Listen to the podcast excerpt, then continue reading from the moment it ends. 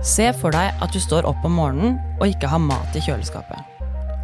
For å få middagen på bordet må du ned på Fattighuset og stå en times tid i matkø. Det er en virkelighet stadig flere oslofolk opplever. Hvem er det som går på Fattighuset, og hvordan opplever Fattighuset dagens priseksplosjon? Du vil også få høre en fin historie om hvordan Fattighuset endret én jentes liv.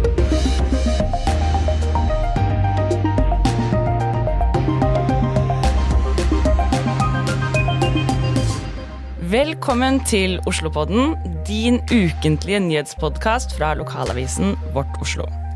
Hvor jeg, Oda Guleng, og du, Vegard Velle, går nærmere inn på én nyhetssak fra bybildet den siste uka. Og i den episoden her så skal vi snakke om Fattighuset, som ligger på Grønland i Oslo. Det er en frivillig organisasjon som deler ut mat og klær til mennesker med dårlig råd, rett og slett. Og hva slags forhold har du til Fattighuset, Vegard? Har du noe forhold til Fattighuset? Ja, vi vil komme tilbake med litt mer om hva Fattighuset er, men jeg går forbi eh, køen til Fattighuset på veien til jobben min, som ligger nede i Sveigårdsgate eh, hos Vårt Oslo. Uh, og da er jo køen kortere eller lengre. Uh, av og til så er køen helt opp til Åkebergveien. Slynger seg ned uh, forbi Fafo, politihuset og ned forbi Grønland kirke. Over Grønlandsleiret og over til Fattighuset.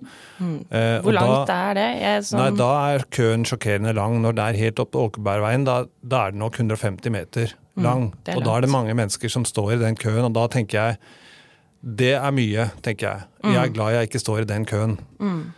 Um, og så har jeg lyst til uh, å, å, trekke fram Her om dagen så gikk jeg forbi den køen, og der, der satt en syklist i sånn klassisk rosa Foodora-outfit. Ja. Uh, med uniform i køen? Med full uh, sånn matleveringsuniform mm. i køen. Og da ble jeg litt nysgjerrig, eh, for da tenkte jeg jøss, så rart. Det sitter en, en sykkel, et sykkelbud eh, som altså har en jobb i køen til Fattighuset. Det minte meg litt om det begrepet fra USA som heter 'working poor', eller mm. 'arbeidende fattige', som man kanskje kan oversette det med. Eh, tenkte jeg, er det, er det, virkelig sånn at man jobber eh, og har en jobb og må sitte i køen til Fattighuset? Ehm, det syns jeg var litt rart, så jeg satte meg ned og snakket med han. Og ganske riktig kunne han fortelle at han jobbet 40 eh, timers uke for Foodora og Volt. Eh, men at for å få endene til å gå rundt, eh, og for å få nok penger til mat, fordi han, han har en tøff jobb, ikke minst på vinteren, så er det ganske tøft å sykle rundt i byen. Mye slaps og dårlig vær og kaldt og ikke noe mm. gøy å sykle. Og de må vel ut med mye av eh, pengene for utstyret sitt selv også, så vidt jeg har forstått? Ja, både på en måte utstyret, både, både til mat holdt jeg på å si, og, mm. og, og, klær, ja. Som koster en god del. Men jeg syns jo det er ganske vanvittig da, at vi i Norge, som et så forbanna rikt land, så har vi også mennesker som har en 40 timers arbeidsuke, men som fortsatt må stå i køen på Fattighuset for å få utdelt mat. Eller at folk skal stå der i utgangspunktet, og spesielt nå som alt altså Det er dyrtid, ting blir dyrere. Så syns jeg det er helt vanvittig at ikke vi har en bedre løsning på det. Jeg blir nesten litt flau.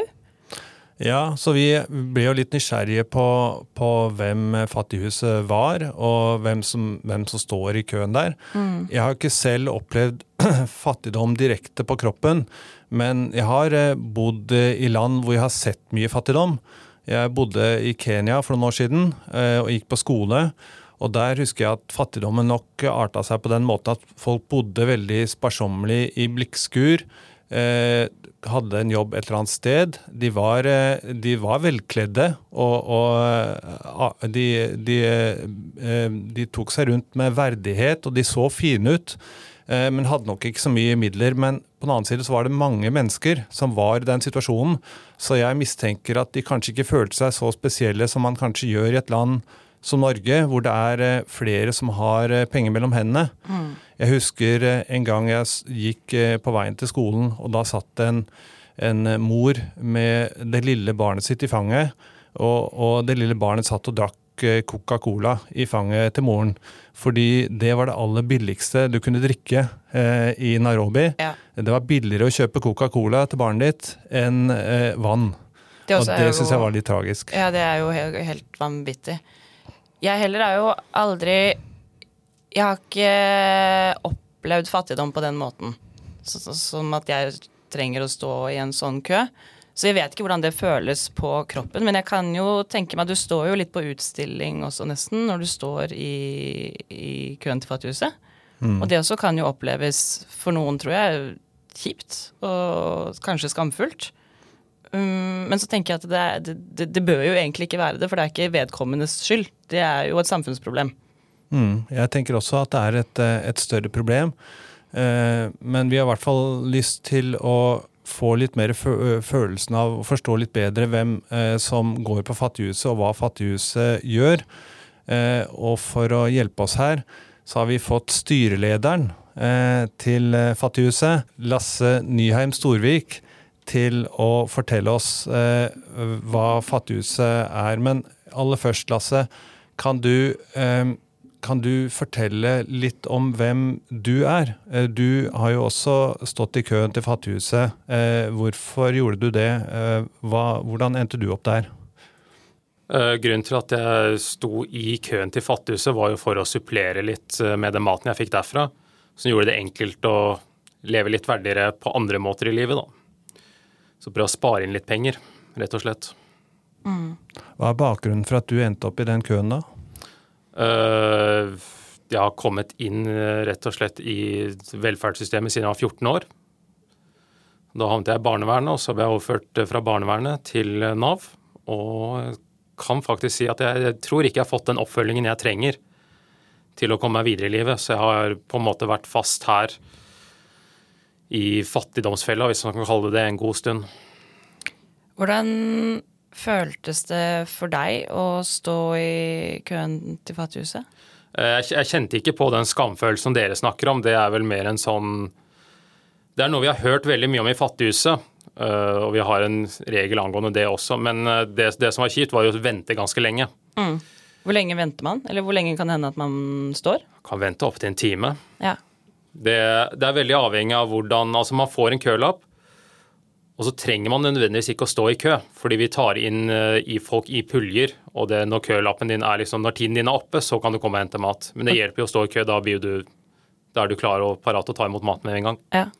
Det, det høres kanskje litt sånn selvfølgelig ut, og, og det ligger jo i ordets natur. eh, Altså fattighuset, så får man en følelse av hva eh, fattighuset er for noe. Men kan du si hva er egentlig fattighuset? Fordi at det er kanskje ikke så enkelt som bare begrepet tilsier.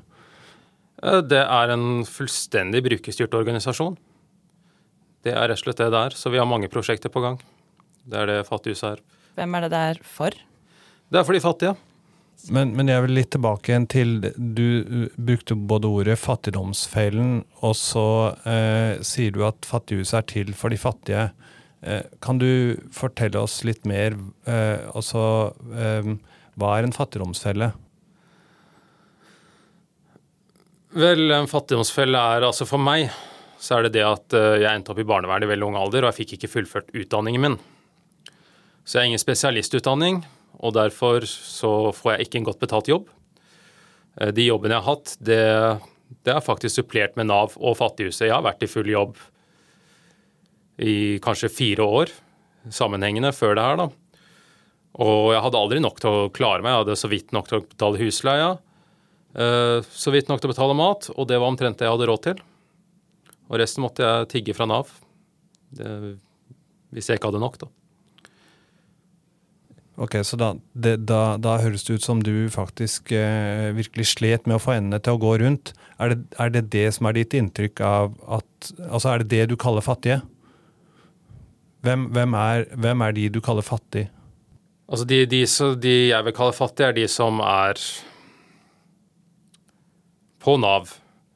I det siste så vil jeg faktisk si at det begrepet er ganske utvidet. Fordi nå det er veldig mange som går på sosiale stønader, det er veldig mange som er uføretrygdet. Og de satsene har ikke steget med prisstigning i mat, i husleie. Spesielt husleie vi har merka på at veldig mange folk treffer en enorm smell der i dette året, for det er da alt blir oppjustert. Al altså fatter er alle de som har, må tenke på penger hele tiden. Det er husleie, mat og så veldig lite annet i luksus. Det er, det er veldig fattige. Mm. De som bare overlever, mer eller mindre fra dag til dag eller uke til uke. Merker dere på Fattighuset en endring i hva slags type mennesker som står i køene der og kommer? Ja. Uh, nå har jeg kun vært i styret det siste året, men når jeg var der, så var det veldig mange fra Midtøsten. Mm. I tiden som gikk etter det, så så vi i større grad fattige arbeidende, som det du snakka om.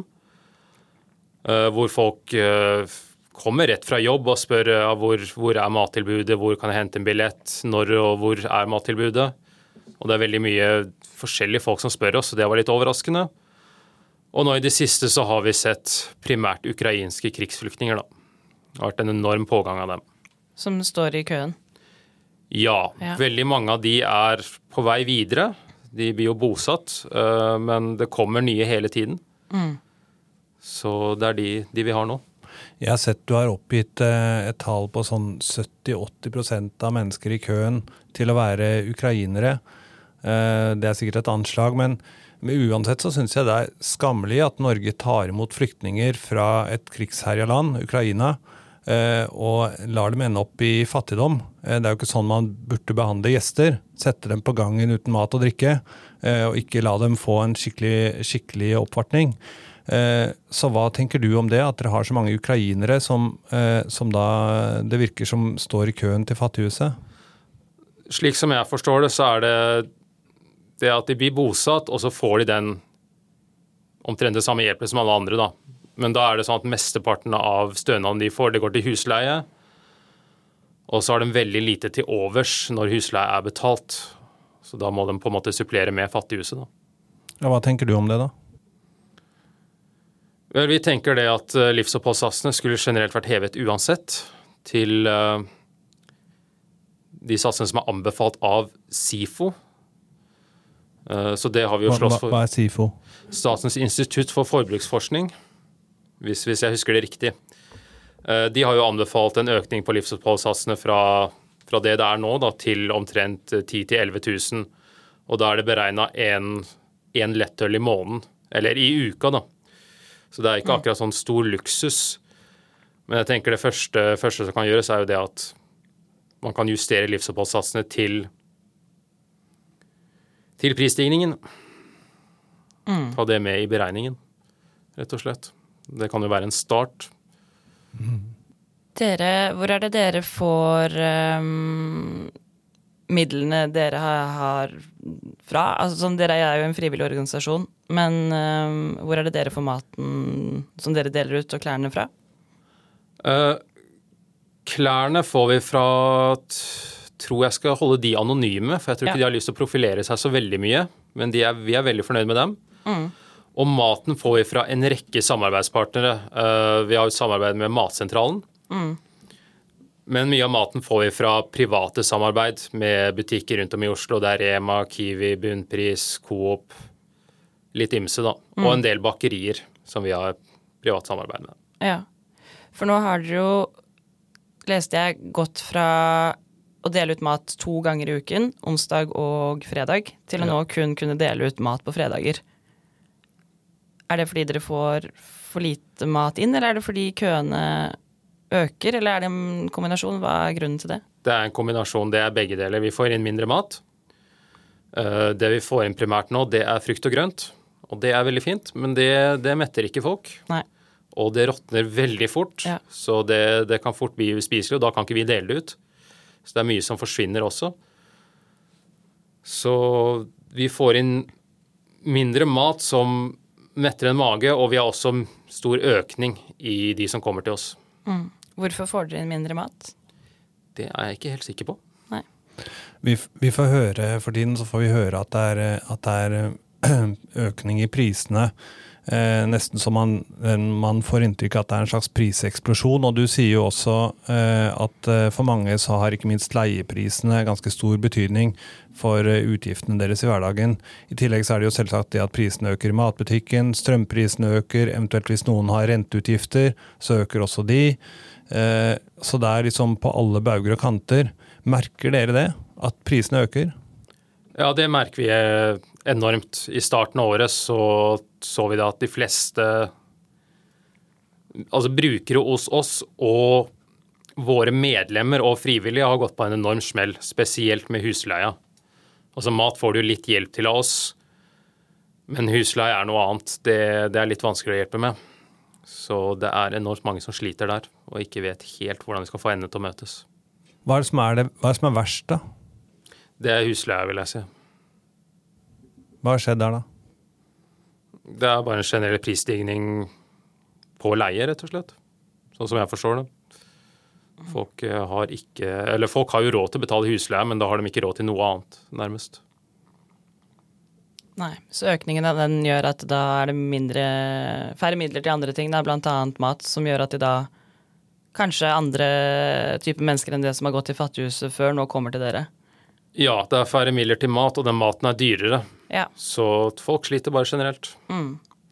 Du sa også til meg da vi snakket sammen tidligere at uh, noe av grunnen til at dere får inn mindre mat, er også at folk kanskje er litt mer opptatt av matsvinn. Uh, med sånn too, too, good to go og butikkene um, og restauranter og sånn også, tar mer hensyn til det. Ja, det er jo ikke akkurat noe å klage på, da, men det private har vel um, på en måte tatt jobben med matsvinn. Mm. Butikker er bedre på å selge ting til nedsatte priser. Mm. Og så har vi mange sånne pakkeløsninger, sånn som Too Good To Go. Mm. Det er det når ting går ut på dato. Vanligvis så tar vi matsvinn, og til helst. Men nå blir det solgt til en billig penge. Mm. Hva gjør dere, sånn som du sa, når dere bare får inn frukt og grønt nesten? Er det da det dere deler ut, eller? Det er omtrent det vi deler ut, ja. ja. Så prøver vi så godt vi kan å få tak i noen middager til å supplere med. Ja. Hvordan går dere frem da? Vi har en del ideer om det. Eh, vi er jo i kontakt med veldig mange selskaper rundt omkring i Oslo. Mm. Norgesgruppen og Rema prøver vi å nå ut til. Mm. Så har vi kanskje en tanke om kampanje, men det må være litt sånn hemmelig til det er eh, på plass. Hvis Skjønner. det blir på plass. Ja. Mm. Hvordan, eh, Du er jo styreleder i Fattighuset. Eh, som da primært, forstår jeg, hjelper folk med mat, da, eh, som man har knapphet på.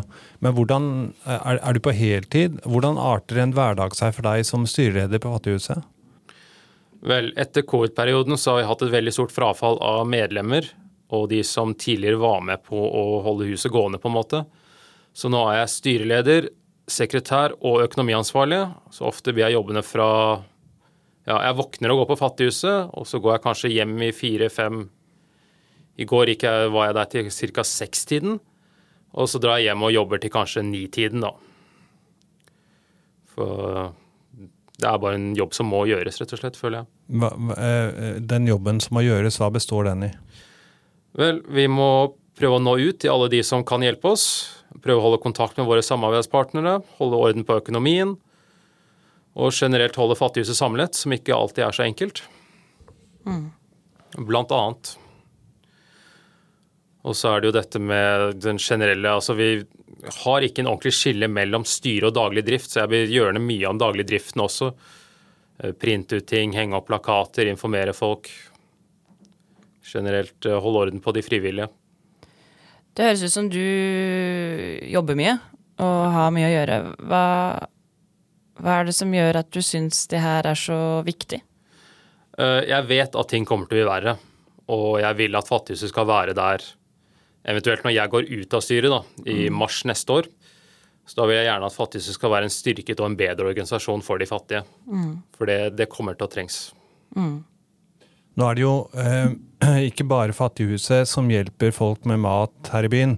Du har jo også andre Jeg er ikke helt sikker på akkurat hvem som gjør hva, men jeg vet jo at Evangeliesenteret bl.a. deler ut mat til eh, rusbrukere.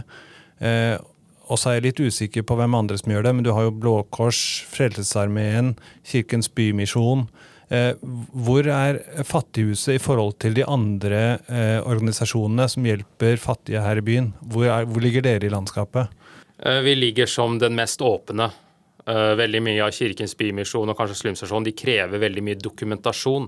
Du må være inne i systemet deres for å få hjelp. Vi er mye mer sånn åpent tilbud.